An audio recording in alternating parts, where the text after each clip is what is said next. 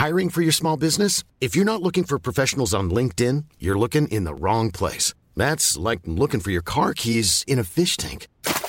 LinkedIn helps you hire professionals you can't find anywhere else, even those who aren't actively searching for a new job but might be open to the perfect role. In a given month, over 70% of LinkedIn users don't even visit other leading job sites. So start looking in the right place. With LinkedIn, you can hire professionals like a professional. Post your free job on linkedin.com slash people today. Hey, it's Ryan Reynolds, and I'm here with Keith, co-star of my upcoming film, If, only in theaters May 17th. Do you want to tell people the big news? All right, I'll do it. Sign up now and you'll get unlimited for $15 a month in six months of Paramount Plus Essential Plan on us. Mintmobile.com slash switch. Upfront payment of $45 equivalent to $15 per month. Unlimited over 40 gigabytes per month. Face lower speeds. Videos at 480p. Active Mint customers by 531.24 get six months of Paramount Plus Essential Plan. Auto renews after six months. Offer ends May 31st, 2024. Separate Paramount Plus registration required. Terms and conditions apply if rated PG. Here's a cool fact a crocodile can't stick out its tongue. Another cool fact you can get short term health insurance for a month or just under a year in some states. United Healthcare short term insurance plans are designed for people who are between jobs, coming off their parents' plan, or turning a side hustle into a full time gig. Underwritten by Golden Rule Insurance Company, they offer flexible, budget friendly coverage with access to a nationwide network of doctors and hospitals. Get more cool facts about United Healthcare short term plans at uh1.com. Vi är denna vecka sponsrade av Indie Beauty. Och Sofie, det här tycker jag är extra fint och extra roligt. Ja men Indie Beauty är ju ett skönhetsvarumärke som jag tror att väldigt många känner till, men det jag älskar mest, det är att Indie Beauty liksom vill vara mer än bara produkter, vilket de ju också är. Exakt. Indie Beauty står ju för Independent Beauty, skönhet på dina villkor och för din egen skull. Och Indie Beauty tror ju stenhårt på ett alternativt skönhetsideal fritt från måsten, skam och känslor av otillräcklighet. Där är jag helt med Indie Beauty. Jag med. Det är så jag vill att skönhet ska vara. Ja men verkligen. Och vet du vad som är nytt för i år Sofie? Berätta. Från och med i år så skänker Indie Beauty 1% av sin försäljning till Suicide Zero, Tjejzonen och Djurens Rätt. Så när man handlar produkter från Indie Beauty så kan man liksom känna att man också ger tillbaka till samhället. Ja, kraften i tillsammans. Ska jag säga en sak nu då, Mm. som jag, det, men det är detta jag är extra glad över. Nu har Indie Beauty tagit fram en keps och den tycker jag ändå så på sommaren, skydda sig från solen, Jättebra, jag älskar kepsen. men det bästa, de bidrar till Suicide Zeros viktiga arbete för att minska antalet självmord och självmordsförsök. Så för varje såld keps så går hela vinsten, 100 kronor, direkt till Suicide Zero. Då kan man liksom göra nytta både för samhället och sin hud på en och samma gång. Ja, och kepsen kostar 169, men alltså hela vinsten går då som sagt till Suicide Zero. Så om man vill göra skillnad när man är där ute i solen, nu när den börjar titta fram, då ska man välja den här kepsen. Den säljs exklusivt på indiebeauty.se och på Apotea. Tillsammans kan vi skapa en ljusare framtid. Vi ses med kepsarna på! Tack Indie Beauty. Vi är sponsrade av Mindler och som ni säkert vet sedan tidigare så är vi ju ute på psykologresan tillsammans. Men hur vet man egentligen när det är dags att söka hjälp? Ibland uppstår saker i livet som kommer utmana oss och kännas tufft. Det mesta självläker vi oss igenom, för vi är menade att ta oss igenom en viss mängd påfrestningar. Men ibland behöver man professionell hjälp för att ta sig ur jobbiga perioder i livet. Men vart går då gränsen? Vad är en del av livets skavighet och när är det läge att söka hjälp? Det sägs till exempel att stress är farligt, men att också kan vara bra. Alla sover dåligt ibland, så när har man egentligen sömnproblem? Ångesten kommer väl krypande för de flesta någon gång. Så när ska man se ångesten som outhärdlig? Hur vet jag? Med oss som psykolog har vi såklart min gamla psykolog Linnea Seidbrant. Men Linnea, vad är egentligen utmattningssyndrom? Utmattningssyndrom är en konsekvens av svår och långvarig stress utan möjlighet till återhämtning. Vi är ju då skapta för att klara av stress, men vi behöver också återhämtning. Om du utsätts för för mycket stress under en lång period utan att du får till den nödvändiga återhämtningen så kommer kroppen till slut att säga ifrån. Och det är faktiskt så att alla har en gräns. Du kan drabbas av en rad fysiska eller psykiska besvär som trötthet, sömnproblem, hjärtklappning, besvär från magen och tarmarna och mycket annat. Och det här är ju då varningssignaler och tecken på att du kan behöva göra någonting åt din situation. Annars så kan besvären utvecklas till att du mår så dåligt på sikt att du blir psykiskt och fysiskt utmattad. Ladda ner Mindler till din telefon och läs mer på mindler.se.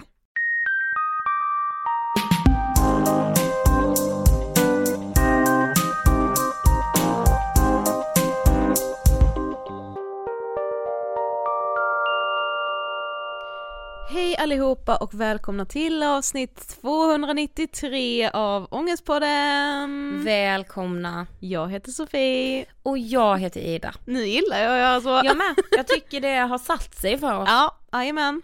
Alltså, jag känner så mycket för det här avsnittet. Det gör Får jag, jag bara också. börja med att säga det? Absolut.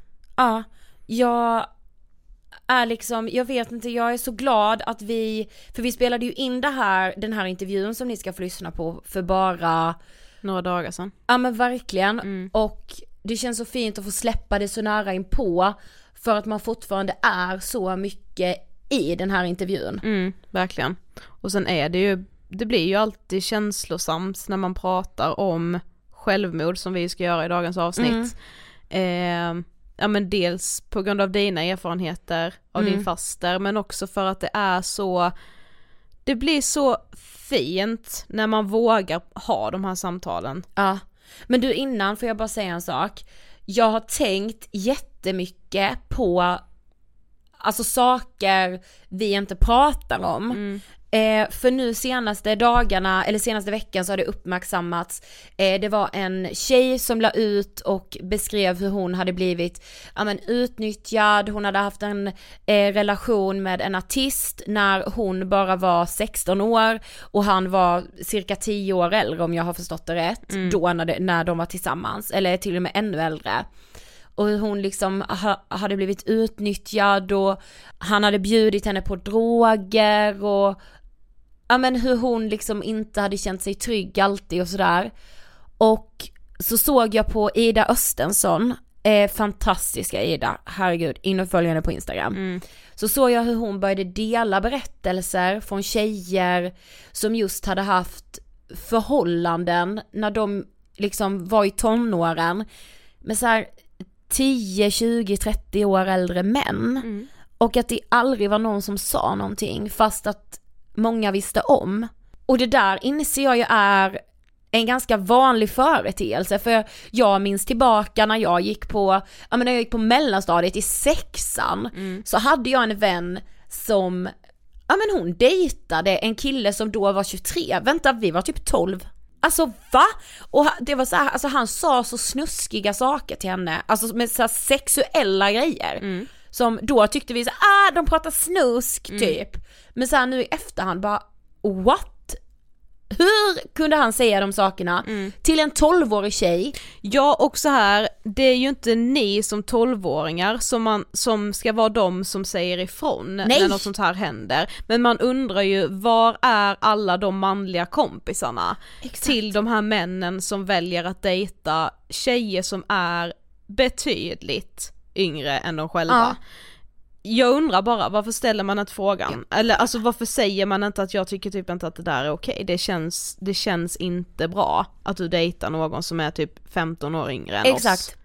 Eh, ja, det tycker jag också är konstigt. Och så här, jag, jag vet ju någonstans, eller jag vill tro att det finns så många män där ute som tycker att det är konstigt också. Men Ja. varför säger man ingenting? Det är ju det som är problemet. Jag brukar tänka det när man hör män som säger så här: vi vill stötta kvinnor, jag vill stå upp för det, men snälla gör det. Ja, Alltså gör, stå upp då. Alltså säg inte bara det utan gör det gärna.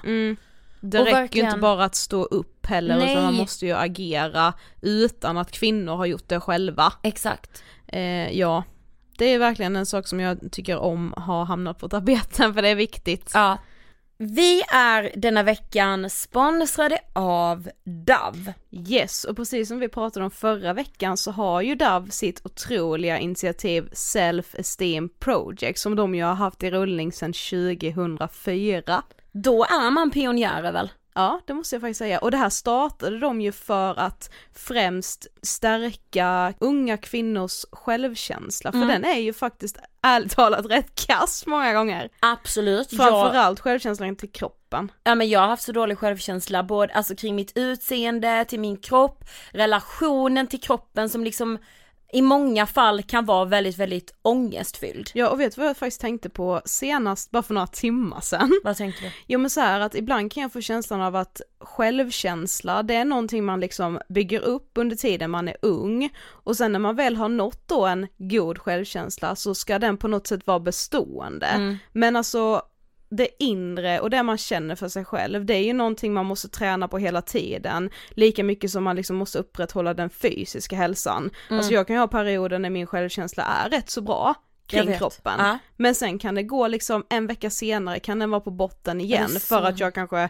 har jämfört min kropp med någonting i sociala medier eller liksom sett en bild på mig själv Ja. där jag, min självbild bara raseras fullständigt. Ja, ja. Men som sagt, Dove har ju då sitt self-esteem project. Yes. Och i det så finns det liksom, ja men som olika guider för dig som förälder, för dig som ungdomsledare, lärare. Och de här är väldigt, väldigt bra. Vi blev ju liksom helt betuttade i en guide som heter Jag är unik, som just handlar om att bygga den kroppsliga självkänslan. Sofie, vad tänker du om jag frågar dig så här? Har du alltid talat snällt om din egen kropp? Nej, absolut inte. Nej. Och framförallt inte till mig själv, alltså i mitt eget huvud är det ju väldigt taskiga kommentarer jag lägger till mig själv och Ja. min egen kropp. Och det här materialet är då gjort för föräldrar, men alltså det här funkar ju även alltså i samtalet med sina vänner på arbetsplatsen. Som exempel, säg till dina vänner att du är trött på att prata om kroppen. Mm. Och det tycker jag faktiskt är så bra för att det är ett ämne som man ganska lätt snöar in på ibland när man sitter med sina vänner och så Ja. man lägger någon kommentar om sin egen kropp eller om någon annans kropp. Alltså jag tycker att man kan liksom påminna både sig själv och sina vänner om att så här, hallå vi behöver inte prata om kroppen, jag är så jäkla trött på att prata om den och så här, Ja. jag tycker om er oavsett hur ni ser ut så vi behöver inte prata om kroppen i det här rummet. Precis. Jag älskar det. Ja, jag med.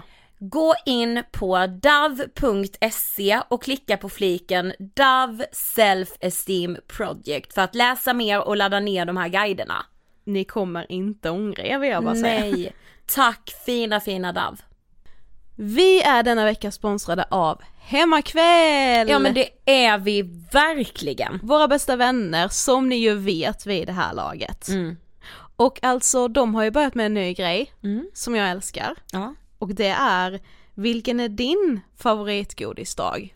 Jag vet. Och jag tyckte det här var väldigt spännande. Ja, dels för att jag inte har funderat riktigt på det innan, vilken som är min favoritdag, men också för att man ju typ är lite uppväxt med och inlärd att så här, godis äter man på lördagar. Alltså jag är Ja, är verkligen så uppväxt med sant. lördagsgodis. Ja. Ja men jag, ja, men jag funderade på så här. Nu för tiden så är ju du och jag, alltså vi har ju kanske inte du vet speciella dagar alltid. Nej. För vi har ju en annan tradition där våra godisdagar, det blir dagarna när vi åker till föreläsningar. Yes. Nu är det ju mindre i coronatider tyvärr, men om vi åker bil eller åker tåg, då går vi alltid dagen innan till vår hemmakvällsbutik och köper en stor påse lösgodis. Det är bästa färdkosten. De senaste veckorna har vi ju kört, framförallt jag har kört väldigt mycket bil mellan Karlshamn och- och Stockholm just. Och godiset, ja det är alltid med på resan. Det är så gött. Ja. Ja men det är det. Men så funderade jag, får jag börja då? Ja, Min godisdag, det är tisdagen. okej. Tisdag! Vill du veta varför då? Alltså, jag kan vara så här, måndagen är ju seg för många, alltså då behöver man kanske piggas upp. Inte för mig. Tisdagen däremot, den är liksom alltid för mig, det är långt till helg. Jag brukar tycka att, ah, tisdag, alltså förstår du? Det är min favorit, att bara sätta guldkant på min tisdag genom godis. Gör du det alltid på samma sätt? Då är det alltid samma typ av godis eller är det liksom lite varierande? Jag älskar ju att hemmakväll alltid är först med nyheter. Så det kan jag säga att ibland har jag lite så testar. Mm. Eh, Det, det har ju ni sett på Instagram också när vi testar du och jag. Men nej men annars är det ganska så klassiskt min godispåse. Mm. Vilken är din? Min favoritgodisdag är söndagar. Okej, ja. Eh, för det är typ, nu är det så mycket förknippat med, du och jag och vår bästa kompis Jossan har ju våra tacosöndagar när vi alltid Ja. äter tacos. Och till den här tacosöndagen, alltså efter tacosen följer alltid godis Ja. eller snacks, chips eller och dipp eller popcorn Ja. eller lösgodis liksom. Eh, och också då ofta nyheter eftersom det är väldigt kul att testa Ja, nytt så gör vi det, sitter vi där som en liten patrull och testar nyheter på en hemmakväll. Eh, och det är så förknippat med lugn för mig nu, alltså jag älskar söndagar, jag har nästan aldrig söndagsångest längre på grund av just den här hemmakvällen som vi alltid har på våra söndagar. Det Ja, är jag liksom, fattar. det är så stående varje vecka och jag mår så bra av det. Så det skulle jag säga är min favoritgodisdag. Jag vill också tipsa att på Hemmakvälls Instagram, hemmakvall understreck Sverige, så finns nu en liten miniserie där Camilla, alltså vår älskade Camilla på Hemmakväll, Ja. där hon intervjuar sina kollegor om liksom så här: när käkar vi godis, hur käkar du ditt godis, vad föredrar du? Jag tycker det är väldigt kul. Ja det är Så det. mitt tips är att gå in och kolla där. Tack så jättemycket, hemmakväll. Okej Sofie.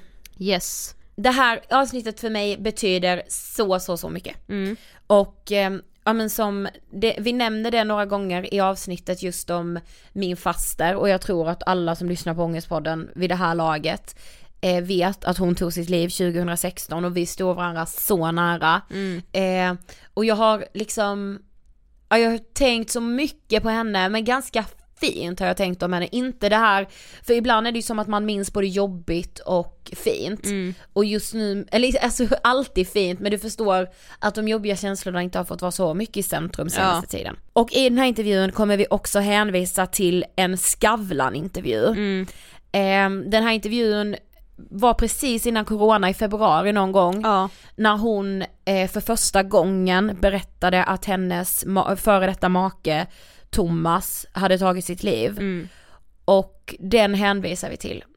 Och har man inte sett den så tycker jag absolut att man ska se den. Nu upprepar Ja. vi ju vissa saker från den intervjun i den här intervjun också, men den, ja den är, det här sköra som på något sätt blir Alltså jag tycker det är så vackert när en människa vågar vara så skör inför någon annan eller några andra. I det här fallet är det ju väldigt många andra men det räcker att man vågar vara så skör för en person. Det är så, så fint och viktigt och gör Ja. så stor skillnad. Det, alltså det, that's all I have to say.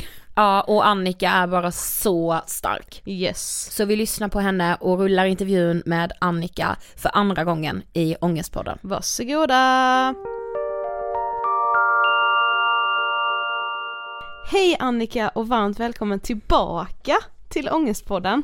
Tack så jättemycket. Det känns väldigt fint att få vara här igen. Ja, jättefint att du vill komma tillbaka, verkligen. Vi har ju pratat om det nu här innan vi satte på mikrofonerna. Men just din mycket välkända för våra lyssnare Skavlan-intervju som ju träffade oss liksom rakt i hjärtat. Eh, och det ska bli så fint att få på något sätt fortsätta det samtalet. Men, men när du gästade oss 2018 så var ju du eh, socialminister. Stämmer. Eh, vad gör du idag? Ja, i, idag jobbar jag på för fullt. Jag valde ju i höstas att, att kliva av efter Thomas självmord och fokusera, få loss lite mera tid för att ta hand om familjen och barnen helt enkelt. Men eh, jag jobbar eh, nu som jämställdhetspolitisk talesperson för, för Socialdemokraterna.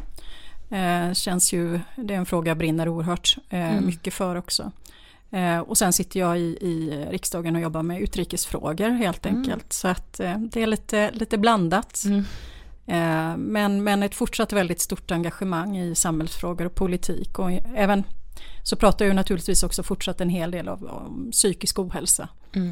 Eh, både utifrån egna erfarenheter men, men också utifrån att jag faktiskt har varit socialminister så, så blir det ju väldigt sådär. Mm. Men vi har ju vår standardfråga i Ångestpodden som är vad tänker du på när du hör ordet ångest? Och när du gästade oss senast så sa du att det är någonting som alla människor upplever och att det är en del av en ökande ohälsa som vi då kunde se bland befolkningen. Men vad tänker du på idag när du hör ordet ångest? Jag är väl eh, fortfarande verkligen eh, kvar i att, att, eh, att det är ju en, ett väldigt stort liksom, samhällsproblem och det är någonting som alla upplever mm. eh, i olika grad under, under livet. Mm.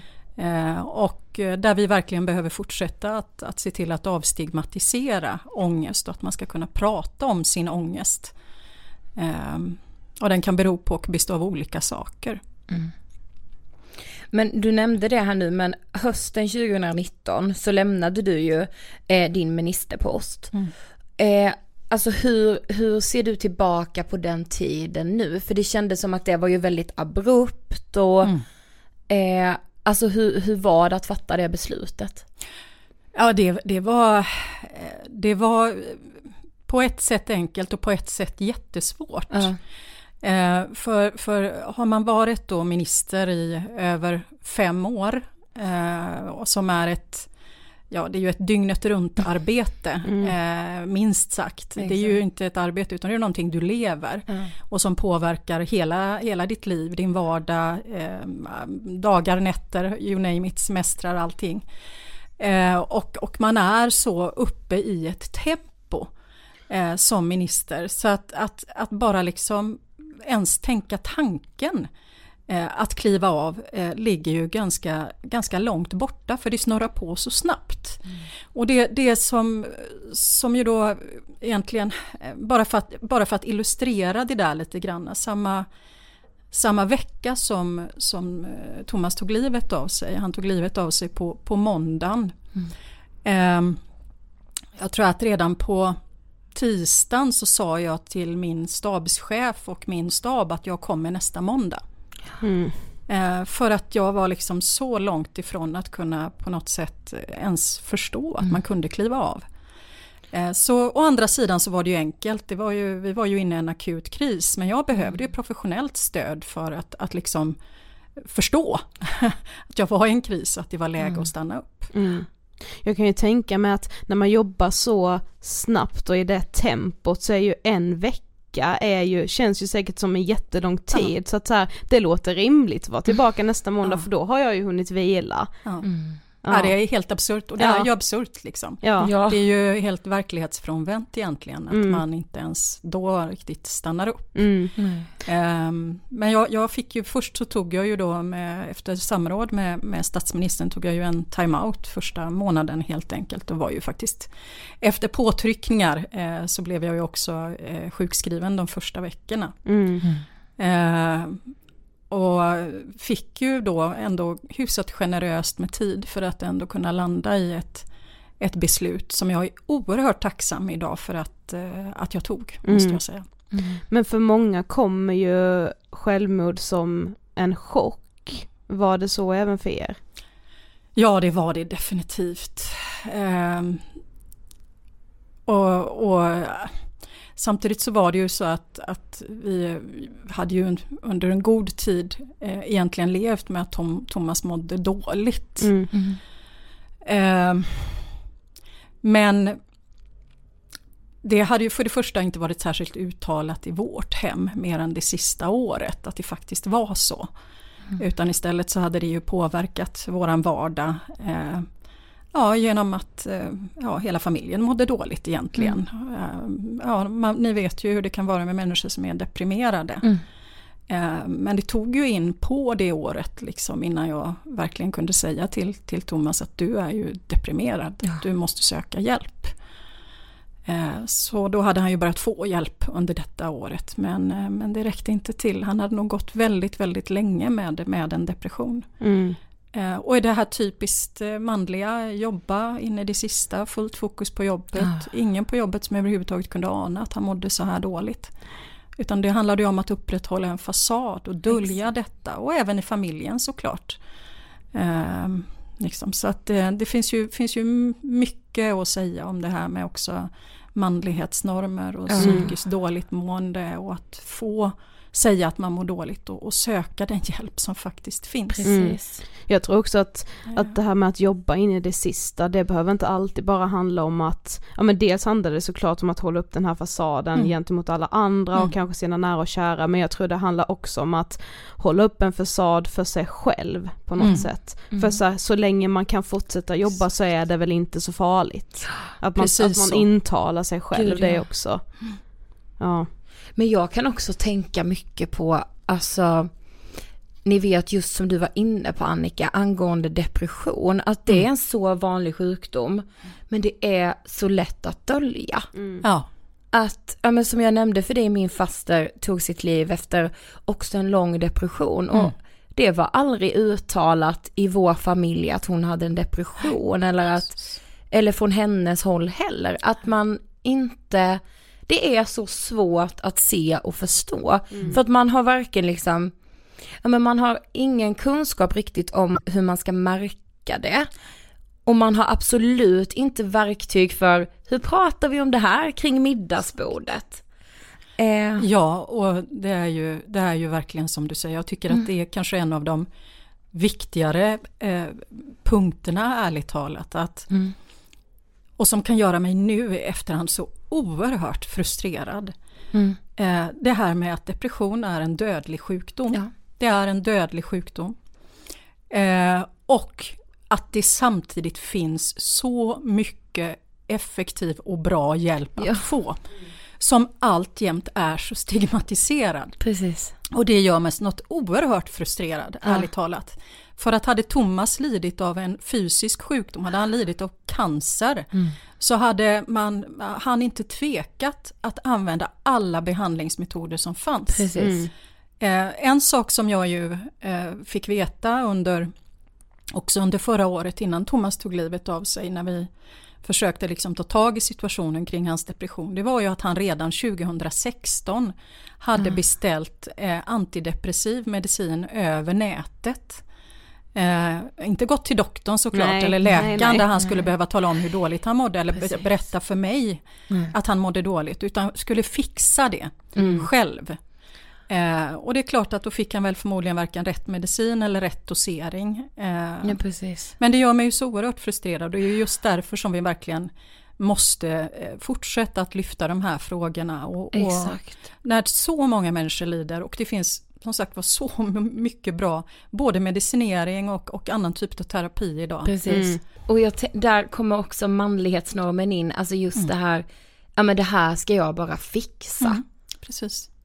Och så gör man det hellre i det tysta Mm. än att liksom prata med en enda om det. Mm. Det är klart sen när man ser det med friska ögon att det blir jäkligt tungt att bära det själv. Mm. Men när man är sjuk så ser man ju inte det och speciellt inte när det finns ett stigma. Nej, precis så. Och som är så starkt fortfarande. Exakt. Mm. Eh, Det är ju ärligt talat också, jag kommer inte ihåg om vi pratade om det när jag var här sist, men, Mm. men synen på just att medicinera för depression eh, är ju fortfarande väldigt stigmatiserad. Att säga att man tar antidepressiva. Mm. ja. Utan det ska det raljeras över och man förfasas över hur många som tar antidepressiv Mm. medicin. Eh, samtidigt som vi då, idag vet att, att den typen av läkemedel kan vara oerhört effektiva. Precis. Eh, idag finns väldigt bra mediciner med få biverkningar och som fullständigt eh, faktiskt kan förändra en människas liv. Ja, Det är liksom, Och i det långa loppet då många människors liv. För Mm. ofta är det ju så att är det en person som mår dåligt så är det så många runt omkring som Absolut. liksom lider av att inte kunna hjälpa till Mm. och lider av att bara stå och titta på. För man känner ju sig väldigt handfallen många gånger som nära anhörig till någon som är mitt i en depression. Mm. För Mm. även om man bara ska lyssna och finnas där så känner man ju sig väldigt otillräcklig i det. och maktlös verkligen. Ja. Alltså, det, det gör man ju verkligen. Ja. Men vem var Thomas? Ja, men en fantastisk, eh, fantastisk person eh, på väldigt många sätt. Eh, han fyllde ju, skulle ju fyllt 55 här nu eh, i slutet på juli. Eh, eh, jurist, vi träffades ju eh, år 2000, så det är några år sedan, Mm. genom jobbet. Han blev anställd som arbetsrättsjurist och jag var vice ordförande för, för det fackförbund jag var aktiv i i Göteborg mm. då när vi träffades. Eh, väldigt smart. Eh, hade absolut musikaliskt gehör, kunde spela nästan alla instrument utan eh, ja, noter eller någonting. Mm. Eh, var ju, när han gick bort så var han ju eh, förhandlingschef för Arbetsförmedlingen i Sverige. Alltså. Förhandlade ju hela omställningen på Arbetsförmedlingen mm. under förra våren samtidigt som han mådde väl uppenbart då väldigt, väldigt dåligt. Uh. Eh, människor runt omkring honom tror jag uppfattar honom som eh, väldigt stabil. Eh, pålitlig, den som liksom alltid svarar på alla frågor, mycket expert. Ganska rolig. Eh, inte de sista åren var det ju mindre och mindre av det. Det är ju sådana här saker som, som nu det man analyserar, man ja. går tillbaks och tänker när förändrades vissa saker. Mm. Eh, glädjen, när försvann glädjen i blicken liksom. Mm. Eh, lite så. Eh, men, och pappa till, till våra två flickor, eh, Felicia och Ebba och min bonusgrabb Simon då, mm. som, som har funnits hela tiden i våra liv. Så att eh, en oerhört eh, älskad pappa. Mm. Men som inte, trots allt detta, liksom, trots att vara socialt etablerad, ha familj, ha allting runt omkring sig egentligen, se bra ut. Mm. Eh, inte kunna se att det finns någon annan utväg. Det är så mm. otroligt eh, frustrerande. Mm. Faktiskt. Och ibland tänker man med, kan det vara liksom just på grund av det som han kände att det inte fanns någon annan utväg. Alltså mm. att, att kanske om, om om personer som har fått höra att man, ja men man för sig bra socialt och att man är den som alltid håller ihop och liksom att, mm. man, att man tänker själv att så här, vad kommer hända om den bilden av mig raseras? Mm. För är man också i en depression så tänker man ju såklart att ja men då kommer ju alla typ vända mig ryggen för då är ju inte jag den personen som alla tror att jag mm. är. Mm. För att man tänker inte att man har drabbats av en sjukdom ju, som depression faktiskt är. Nej, jag tror att det, det är så otroligt viktigt eh, det som du säger nu. Jag mm. tror att det ligger enormt mycket i detta. Mm. Eh, att upprätthålla en fasad och mm. återigen då att det är just så otroligt stigmatiserat med, med att drabbas av en depression. Eller psykisk ohälsa på något sätt. Mm. Eh, men att det då hade varit självklart om Thomas hade drabbats av prostatacancer. Ja eh, att prata om det och människor hade då slutit upp ja. runt den. Mm. Eh, ibland kan jag känna för att, för att, när man tittar tillbaks i tiden eh, lite grann så är det, vad kan det vara, 60-70 år sedan när man också då hade lite liknande inställning till människor som fick så kallad kräfta eller Just, cancer ja. som det hette. Mm. Det var något som var lite otäckt och, och man inte pratade om öppet och sådär. Mm. Eh, och hur otroligt som sagt var eh, helt nödvändigt det är eh, att vi är många som, som eh, försöker avstigmatisera detta. Mm. Det är en av de absolut vanligaste folksjukdomarna i Sverige. Ja. Eh, det kryper ner i åldrarna, många unga ja. människor som, som drabbas, många som befinner sig i den här situationen i livet och arbetslivet. långt fler som dör utav självmord än som dör i trafiken. Ja. Mm. men vi pratar inte om det på det sättet. Eh, och vi tar inte åtgärder på, på det sättet som vi gör med nollvisionen i trafiken precis, till exempel. Precis. Hur mycket resurser har inte lagts på det? Mm. Ja men verkligen. Eh, ja, man blir galen när man ja, tänker man blir på det. lite galen när mm. man tänker på det. Men hur såg den närmsta tiden innan Thomas självmord ut? Det, det var ju eh, väldigt, eh, väldigt eh, rörigt och jobbigt hemma hos oss. Eh, det var ju också så att det som ju förmodligen kanske var en bidragande orsak det, till att det liksom eskalerade, det var ju att jag och Thomas hade inlett en separation i början mm. på året. Ehm, och eh, Thomas kämpade ju under tiden innan med eh, både sig själv, i och med att han hade då också sökt läkarhjälp mm. och provat medicinering, prövade lite olika saker. Men det var ju också då en sommar som inte var som vanligt i och med att vi var inne i den här separationen. Eh, på grund av att han mådde så otroligt dåligt. eh, så gick vi också i, eh, i, i samtal, i familjeterapi under sommaren. Mm. Och försökte prata liksom om, på ett sätt som vi inte hade gjort innan. Och jag tror också, apropå mansroller, att Thomas var väldigt typiskt på det sättet att, att han också tillhör en jag ska inte säga en generation för det finns många yngre män som också mm. lever med samma normer idag men mm. där man inte pratar om känslor eh, i någon utsträckning. Eh, vilket gör att många går ju då att stoppa, och liksom bara stoppa ner saker Exakt. och det utlöser ju att man mår väldigt mm. dåligt. Ja. Att liksom inte, inte sätta ord på det känsloliv eller det som man, man går och tänker på. Så i någon mån gjorde vi ju det under, under sommaren där. Eh, men, men det eskalerade väl helt enkelt eh, fram till dess att han tog sitt liv. Det blev mer utav konflikt hemma. Mm. Eh, och eh, jag eh, talade då om för Thomas, och det här var en vecka innan han tog, tog sitt liv, att, eh, eh, att jag hade fått en, en lägenhet mm. som jag skulle flytta till i början på september. Och det tog uppenbarligen också väldigt, väldigt hårt. Mm. Eh, och var väl kanske, kan ha varit någon form av utlösande att han till slut tog det här steget. Då. Så att, eh, ja, mm. ja mm. svårt, att, svårt att prata om när man eh, ja, man återupplever liksom den ja, där känslan någonstans i, mm. i huvudet. Att det, känslan av lite panik nästan. Mm. Mm. Jag förstår det är verkligen. som att försöka hindra ett skenande tåg på något sätt. Ja, liksom. det precis. är lite så. Mm. Ja. Och det där kan jag relatera till så mycket. Mm. Alltså just den känslan. Mm. Av att så här, om man är så maktlös. Mm. Verkligen. I det. Ja. Men kan du minnas dagen då du får reda på att Thomas har tagit sitt liv? Ja, gud ja, i detalj. Eh, I detalj så, så kan jag nästan redogöra för den där dagen. Mm. Eh, och som sagt var det, var det var på måndag och på, på fredagen hade han ju varit på jobbet. Liksom. Så oh. det var ju mm. helt... Eh, oh. och i och med att situationen var väldigt spänd hemma så, så hade ju jag valt att eh, inte vara i hemmet under helgen tillsammans med flickorna. Mm.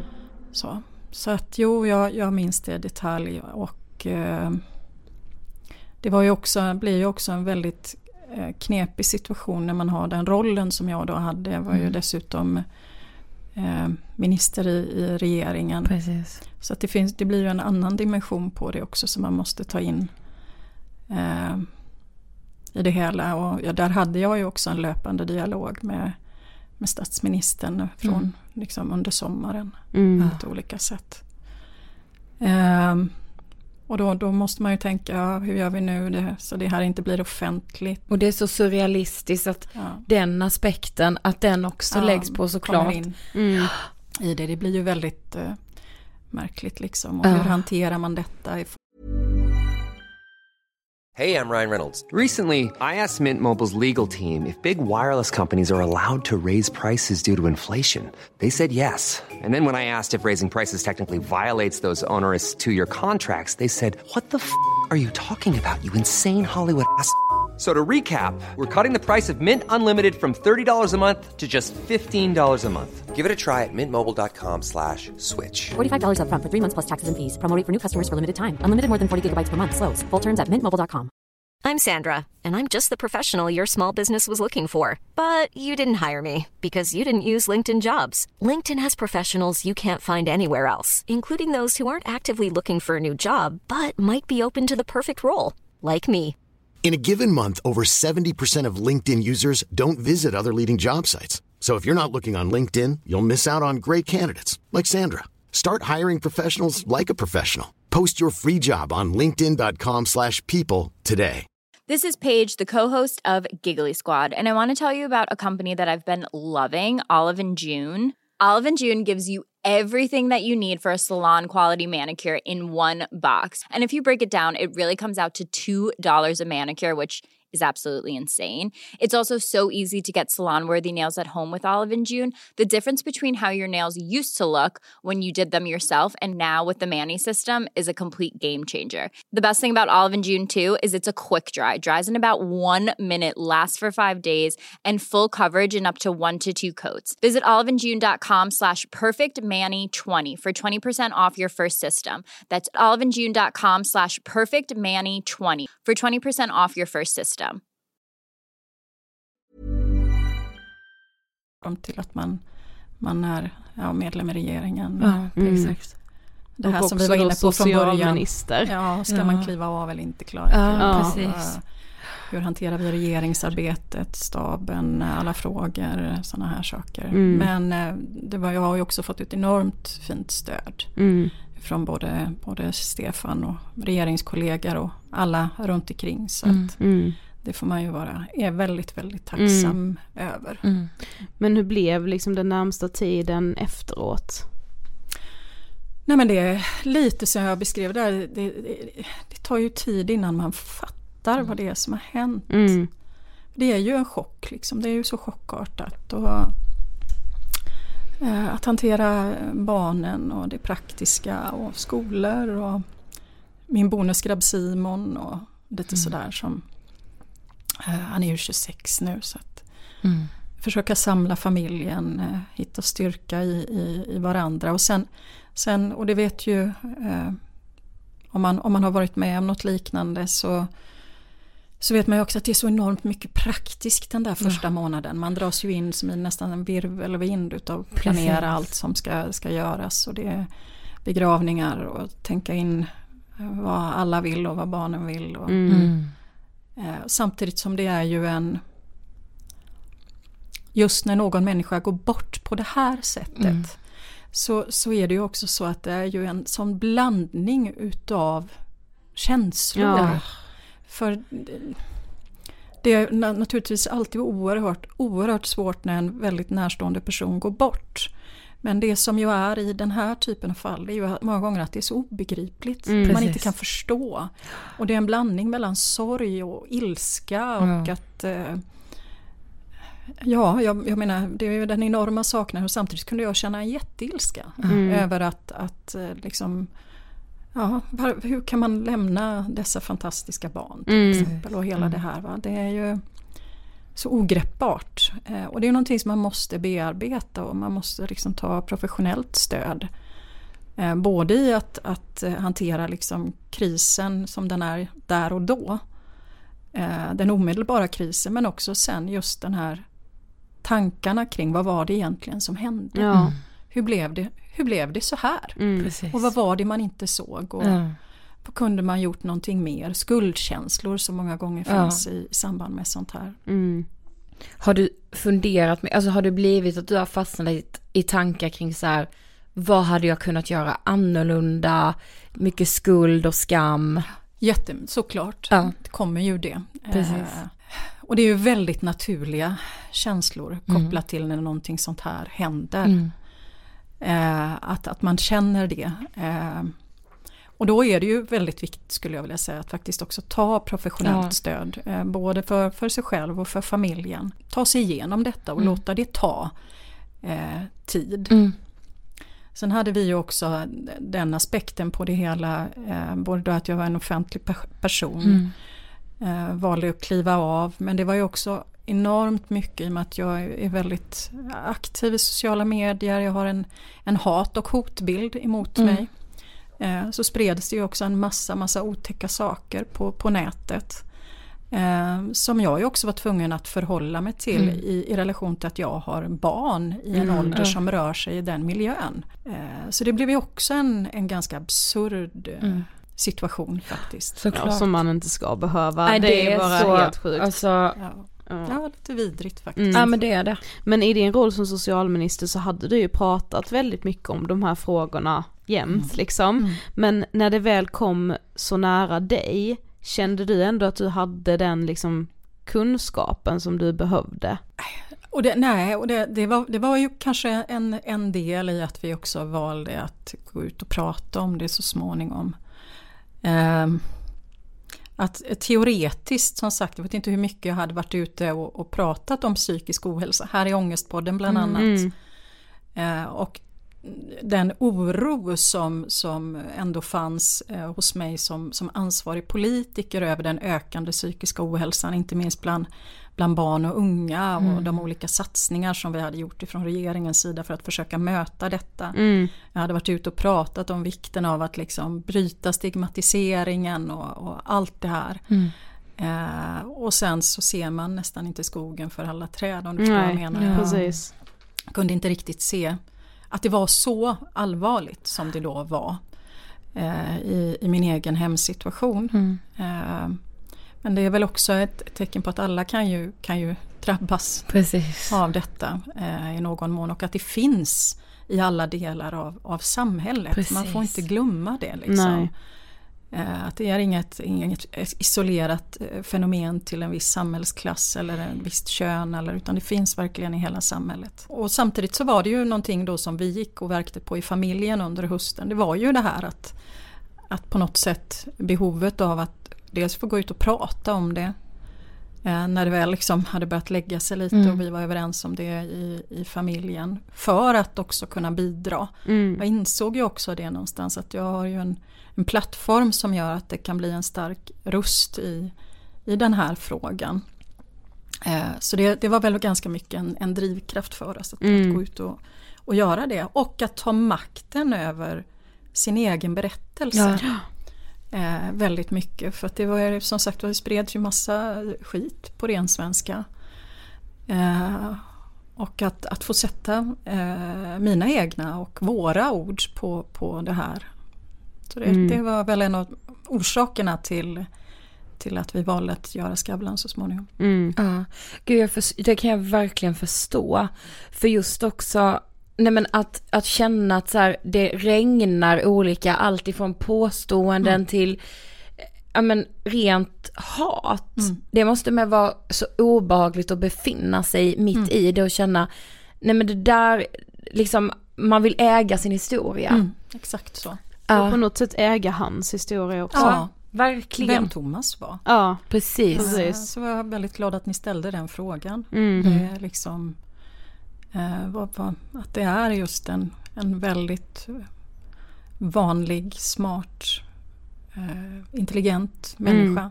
Precis. Eh, och att det kan hända vem som helst. mm. Ja. verkligen. Och det är så viktigt just som du var inne på att så här det handlar inte om människor från en viss samhällsklass eller en eh, viss ålder eller kön. Alltså det är så viktigt att upprepa det. För det kan jag uppleva att den förståelsen finns inte i Nej. samhället idag. Nej men och lite också att, ehm, att det är sådana fall, att man hamnar i i en depression till exempel för att det har hänt något drastiskt utifrån, typ att man har blivit arbetslös eller ja men en skilsmässa, nu låg ni i en separation men Thomas hade ju mått dåligt Ja. långt, långt innan, det var ju Långt på innan. grund av hans dåliga mående som ni hamnade i separationen Mm. förmodligen. Och liksom att man kan hamna där trots att man har allting på det klara, allting Mm. rullar på precis som vanligt, det är ingenting, inga yttre omständigheter som gör att man hamnar i det här mörkret. Och det måste man också påminna om hela Precis. tiden. Nej, och det, där, det är också det är otroligt viktigt Ja. eh, att säga det. Att, att man, man hade ju om man tittar på vår familj utifrån sett bara kunnat sett liksom herregud, här har man, och jag kunde ju själv under de åren innan Innan det, det ja de, de åren innan Thomas verkligen uppenbart då i efterhand nu mådde dåligt. Mm. Eh, jag var ju så enormt frustrerad över hur han kunde vara så negativ Mm. och ilsken trots att vi hade alla, jag tyckte liksom verkligen, vi har alla skäl i världen med våra fantastiska barn och intressanta jobb, att må bra. Jag kunde ju liksom inte riktigt förstå det mörkret då som, eller djupet utav det mörkret som, som Thomas befann sig i. Mm. För han kunde ju uppenbart inte se eh, alla dessa liksom positiva saker. Nej, Precis. precis. Alltså det, det är så väldigt viktigt att Mm. säga faktiskt. Mm. Men det vi också funderade på mycket är ju att, ja men som du var inne på, att ni beslutade er för att vara öppna med vad som hade hänt med Thomas.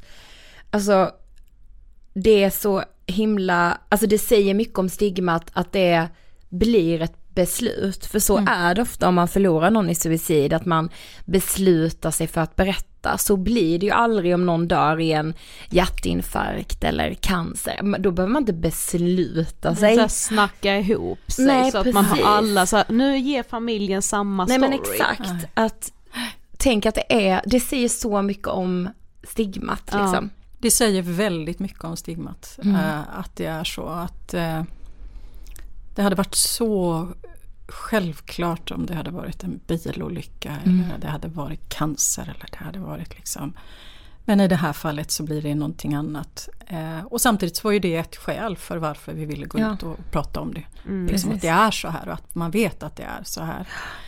Ehm, och det måste jag ju ändå säga att den, den mängd eh, reaktioner Ja. som kom på, på detta var något alldeles otroligt. Eh, som kom både i mina olika kanaler men också in till partiet till exempel och sådär. Eh, otroligt mycket människor som reagerar. Väldigt mycket också män Ja. eh, som reagerar och berättar om, sin egen, som berättar om sin egen situation. Mm. Och hur man inte, långa, långa mejl till mig och liksom så här eh, målande beskrivningar eller män som hörde av sig och sa imorgon ska jag krama min familj extra mycket. Mm. Eh, och, och att man upplevde att det var väldigt viktigt. Men också väldigt många eh, som delar med sig av historier just om hur man hade hanterat, man har haft självmord i sin egen familj. Antingen längre tillbaks i tiden eh, eller mer aktuellt och hur stigmatiserat det var. Så jag tror jag berättade innan vi drog Ja, igång här om eh, en, en, eh, en kvinna som hörde av sig till mig där de hade haft en förälder som tog sitt liv eh, någon gång i början på 70-talet när hon var väldigt ung. Och hur grannarna efter det gick över på andra sidan vägen när, Mm. när den kvarvarande familjen kom. Att det är så stigmatiserat. Mm. Eh, eller precis som ni var inne på, här, man kommer överens om i familjen vilken historia Precis. man ska ha eh, utåt. För man ska inte berätta att personen i fråga har tagit sitt liv. Precis. Eh, det är otroligt många sådana berättelser. Mm. En av, jag kommer ihåg en av mina så första ögonöppnare när vi typ precis hade startat Ångestpodden så Mm. skulle vi göra ett avsnitt om depression Mm. och då hade vi själva inte upplevt det så vi bad liksom, vi skrev typ ut på Twitter bara nu behöver vi era upplevelser av Mm, depression. Mm. Ehm, och den, just den tweeten blev ganska, den spred sig ganska snabbt liksom så vi Mm. fick in väldigt mycket. Varav vi fick in ett mail med en krypterad mailadress. Mm. Eh, där det stod och sa, ja jag är en man i typ 40-årsåldern. Mm. Jag är, eh, jobbar inom näringslivet och driver företag så ingen får veta vem jag är. Men Mm. jag mår så här och så här och så här. Mm. Och jag bara oj, alltså jag hade ju verkligen förstått att psykisk ohälsa var extremt stigmatiserat men Mm. det blev så himla tydligt på vilken nivå Precis. det låg när man Verkligen. får ett liksom krypterat mail. Mm. Det säger också väldigt mycket. Säger väldigt mycket Ja. om hur det faktiskt är. Ja. Exakt. Men vad tänker du då, liksom nu när du liksom, ja men först har, har som socialminister gått ut och pratat om de här frågorna Mm. och det, det är ju liksom också lätt, så kan vi med känna ibland att det är väldigt lätt att sitta här och säga att man ska prata mer om psykisk ohälsa men sen Mm. när det kommer så nära in på en själv så är det väldigt svårt ändå. Mm. Vad tänker du ändå att man, att vi som samhälle, att, eller att samhället och kanske politiken kan göra för att ändå lyckas fånga upp de här människorna som befinner sig eller är på väg in i det här mörkret. För det kan ju faktiskt handla om en kritisk dag eller en kritisk Absolut. vecka, en kritisk månad eller kanske några år men det kommer ju vända. Alltså vad Absolut. kan man liksom som samhälle göra? Som samhälle måste vi ju göra väldigt mycket mer. Jag måste ju Mm. ändå, jag måste ju säga att jag tycker ändå att under ett, ett antal års tid här nu så, så talas det ju mer och Ja, mer mycket, mycket. om Ja. psykisk ohälsa. Eh, man tar steg i den riktningen. Eh, vilket är otroligt bra. Mm. Eh, och jag tror just det här att, att, att människor på, på olika nivåer i samhället och, och med olika bakgrunder också använder de plattformar man har för att gå ut och, och prata om det här. Precis. Eh, men sen är det också extremt viktigt från politikens sida att man fortsätter signalera just att, att, att psykisk ohälsa är så vanligt som det är mm. genom också den politik man för. Mm. Tillgången på, på till exempel eh, psykologer, tillgången till, till läkare, till olika typer utav terapi, samtalsterapi, KBT, mm. annat.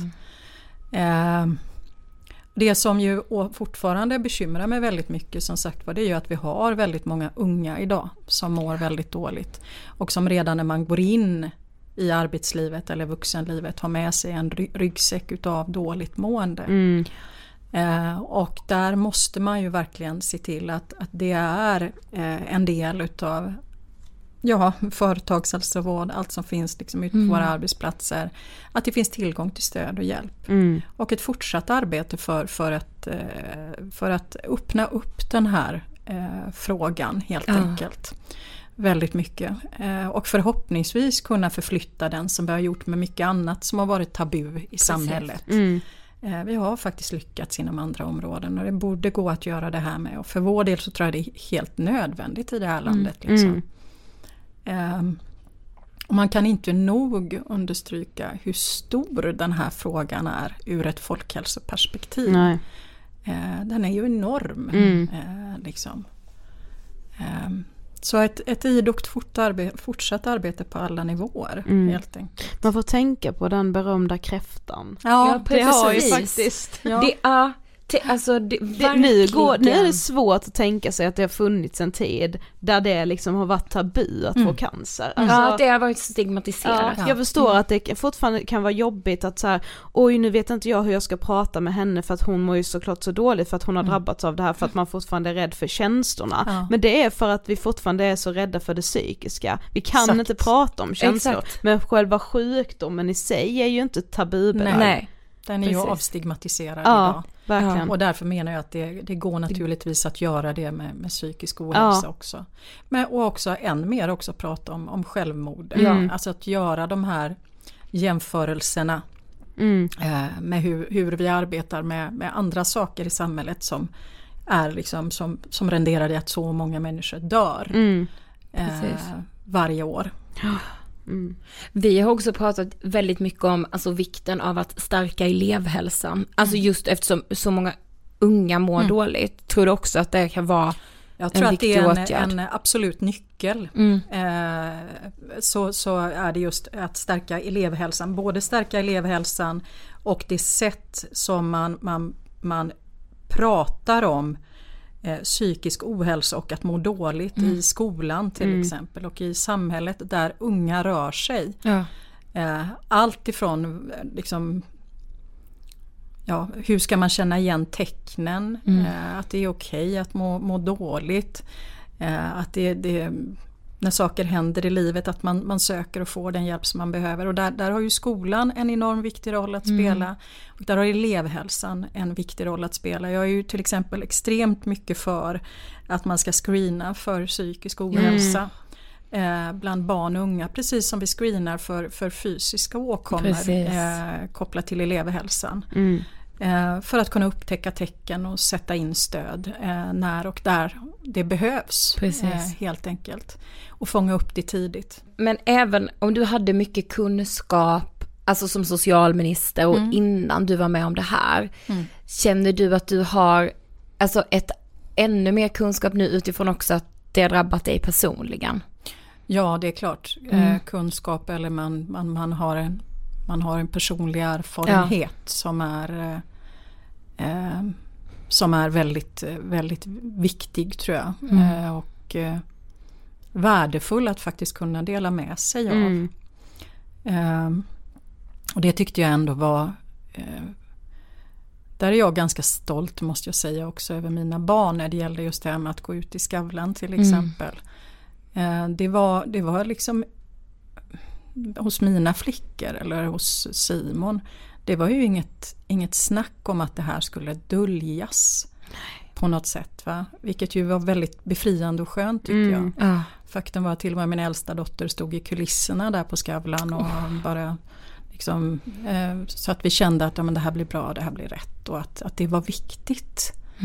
Eh, och det, det är ju ändå någon form av attitydförändring kanske. Mm. Jag Ja, hoppas det faktiskt. liksom. Eh. Verkligen. Mm. Att man liksom känner att nej men det här är inte något skam, skamfyllt för Nej. oss. Nej, och inte vårt fel. Nej, Mm. exakt så. Mm. Utan eh, att det var viktigt att dela med sig av berättelsen. Mm. Liksom. Men hur mår du och ni idag? Ja, det, det här det tar ju tid. Eh, och det är ju sådär, jag har ju en sak apropå vad, vad är det man har förstått mer av. Ja, jag kan ju verkligen förstå eh, det här med begreppet sorgeår Mm. eh, på ett annat sätt nu. Och då var det väl ändå så att min, min mamma gick ju bort ungefär ett och ett halvt år innan Thomas. Hon var bara 68 när hon gick bort. Hon gick bort i KOL. Mm. Eh, och sådär. Men hon hade ju varit sjuk i många år. Eh, och då sorgen blir lite på ett annat sätt. Den är Mm. fortfarande smärtsam men den blir på ett, ett naturligt sätt. Mm. Eh, för att det, det är någonting som man visste skulle hända. Liksom. Men i det här fallet så blir det ju verkligen det här med ett sorgeår. Att ja, men, du vet, barnens första födelsedagar, Mm. eh, första julen. Eh, Thomas då 55-årsdag som skulle varit Ja. nu i slutet på juli. Eh, och sådär. Så att, att man liksom tar sig igenom de här stationerna på något sätt längs med, med vägen. Ja. Eh, Och jag vet att jag sa det den där kaosiga hösten som var då förra hösten när man tittar tillbaks att man befann sig verkligen i ett kaos liksom mentalt.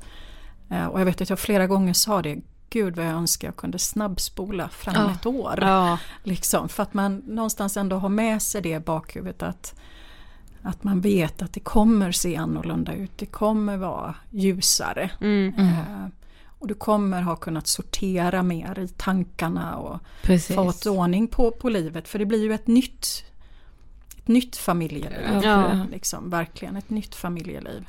Och det var också någonting som jag vet att min äldsta dotter sa i början på, på året. Eh, sådär efter nyår där att ja, nu börjar det kännas som om vi är en familj. För man tappar ju liksom den där identiteten på Precis. något sätt. Va?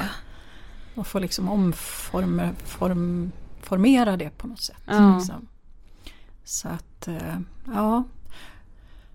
Och sen inte, inte glömma en av de viktiga sakerna när det gäller också självmord och det är ju att ju mer vi lyckas avstigmatisera det här med psykisk ohälsa och med självmord och annat. Att inte glömma det att, att i de fall man lyckas förhindra att en människa tar livet av sig så är det så enormt vanligt, jag tror i nio fall av tio eller något liknande så tar personen i fråga sen inte livet av sig. Precis. Vilket ju är liksom en sån här också som man känner Mm. hur viktigt det är just Exakt. att kunna se, kunna snappa upp signaler. Mm. Det går att förhindra. Går att förhindra. Mm. Och att inte, inte tro att det aldrig går att förhindra. Det finns ju någon sån här myt om att det går aldrig att förhindra någon som har bestämt Bestämt har sig, man precis. bestämt sig så har de. Ja, precis. precis. Mm. Och det är ju inte så. Nej. Nej. Eh, utan, utan kan man som samhälle eller mm, medmänniska se och agera så, så kan det ha enorm betydelse. Mm. Har du upplevt alltså att personer i din närhet efter att du gick ut öppet i Skavlan, Mm. att det har blivit lättare för personer i din närhet att prata med dig om det här? Ja, det skulle jag vilja säga. Ja. Definitivt. Mm. Eh, och det, det är ju det här som, som ni var inne på lite tidigare här, att människor inte vet riktigt hur man ska närma sig Exakt. en människa som känner den här, den här typen av sorg. Mm.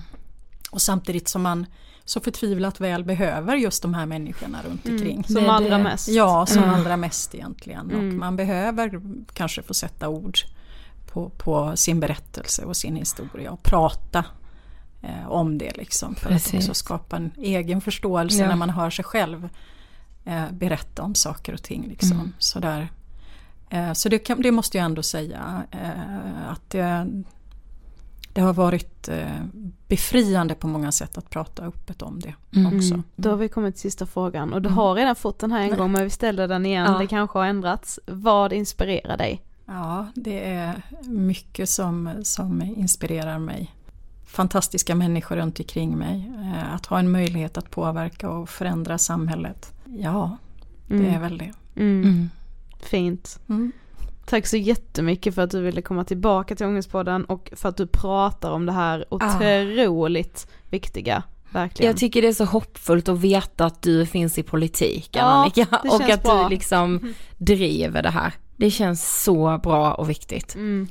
Tack så hemskt mycket och tack för ett jättebra samtal. Tack. Yes. Eh, först och främst tack så jättemycket Annika för att du ville komma tillbaka till Ångestpodden och prata om det här. Det blir ju på något sätt så, alltså det blir så sjukt liksom att när vi satt och poddade Mm. förra gången Annika gästade oss så pratade vi ju jättemycket om de här frågorna men då var det ju mer rent allmänt i och med att hon var Ja då jag vet, det var ju det. socialminister och ja, det blir fint men ändå konstigt att sitta här igen och prata om hennes erfarenheter nu trots att hon borde veta liksom. Ja men jag vet. Mm. Eh, och jag tycker också det är fint att liksom få höra ja men hur, hur liksom familjen har kommit samman och ändå liksom varit väldigt öppna i sin sorg. Det, det är stärkande att få höra det tycker jag. Mm. Ja men det blir ju lite också som i din situation när vi fick reda på att Lisa inte fanns mer Mm. och liksom sen då bara, ja men okej hon har tagit sitt liv och hon har mått jättedåligt och just den här, alltså frågorna som väcks i en är Mm. att så här, hur kan jag som pratar om ångest så mycket inte ha fattat? Jag vet. Men det säger också så mycket om hur svårt det är att Det är förstå så svårt. och hur lätt det är att dölja ett så, ett sånt ofantligt mörker. Du vet ibland så känner man bara så, gud om jag hade kunnat åka tillbaka till den hösten 2016 innan. Och bara så här, men då, ja det är klart att jag hade sett saker nu, Ja. nu när jag vet. Alltså förstår Så du? är det ju med allt. Ja men verkligen. Vi är denna vecka sponsrade av Apotea! Ja men det är vi verkligen. Mm. Alltså Apotea som ju har i princip allt jag behöver. Ja, och som nu dessutom har utvecklats hela sitt leveranssätt genom att erbjuda ett fossilfritt alternativ med bäst. Precis, alltså transportföretaget Best och Apotea har då gjort en gemensam satsning på fossilfria hemleveranser. Och det är otroligt. Men så här är det ju att den svenska e-handeln, den växer ju så det knakar. Ja. Kanske framförallt nu i coronatiden när många Precis. också vill undvika att röra sig ute bland folk och så, men också för att det är så otroligt bekvämt att bara sitta hemma, kolla vad man behöver, klicka hem det och få hem det så snabbt, bara på några dagar liksom. Ja men jag tycker också det är väldigt schysst av Apotea att liksom hjälpa mig som kund att bidra till en grönare och mer hållbar värld, för det vill jag göra hela tiden. Och då erbjuder ju Apotea just den möjligheten. Mm, för visste du att de som ofta beställer via e-handel, Ja. alltså där är ju snabbheten och bekvämligheten, det värderas väldigt högt. Men närmare 40% av svenskarna tycker också att det är viktigt att hemleveransen tar hänsyn till just klimatet. Ja, men det tycker jag. Jag tycker det är så viktigt. Ja, det känns ju mycket bättre då. Ja, okej, då kanske ni tänker så här, men hur gör jag detta då?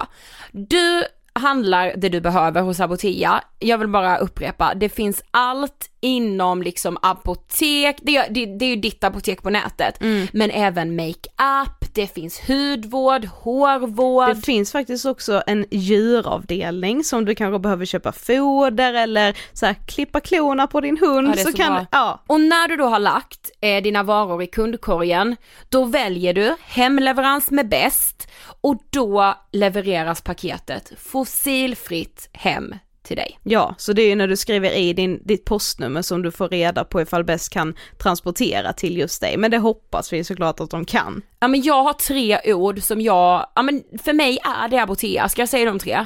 Det är snabbt, det är billigt och det är fraktfritt. Ja, Och nu också fossilfritt, fyra ord Sofie. vad mer behöver man? Nej men tack snälla Apotea.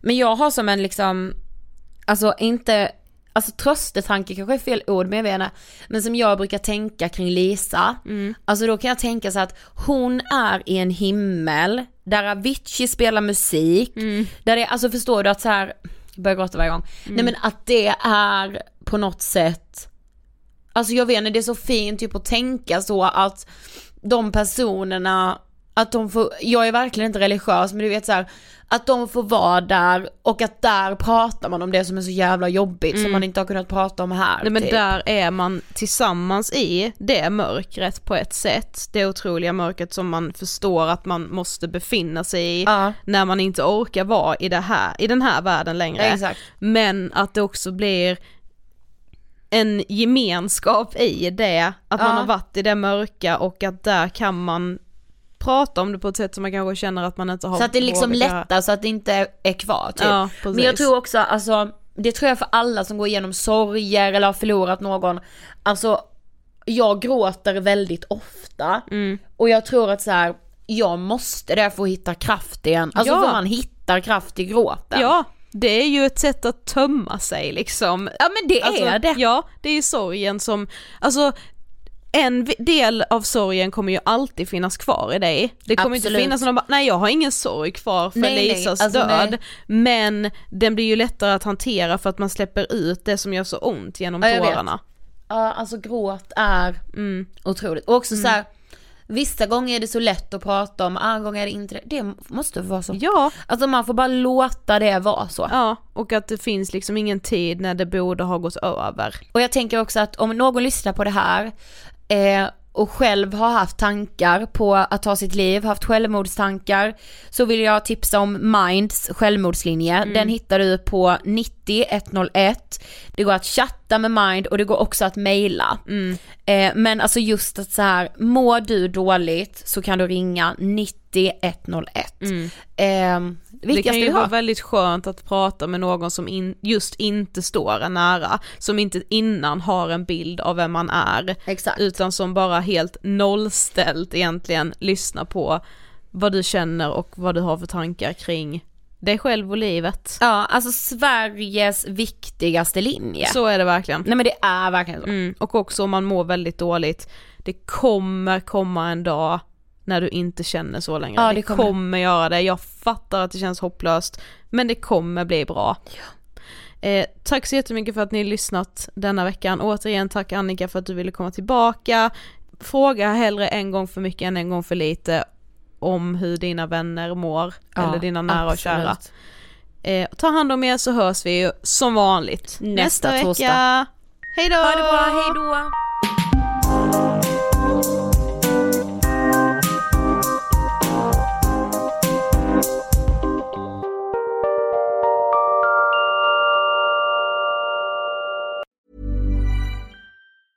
Planning for your next trip?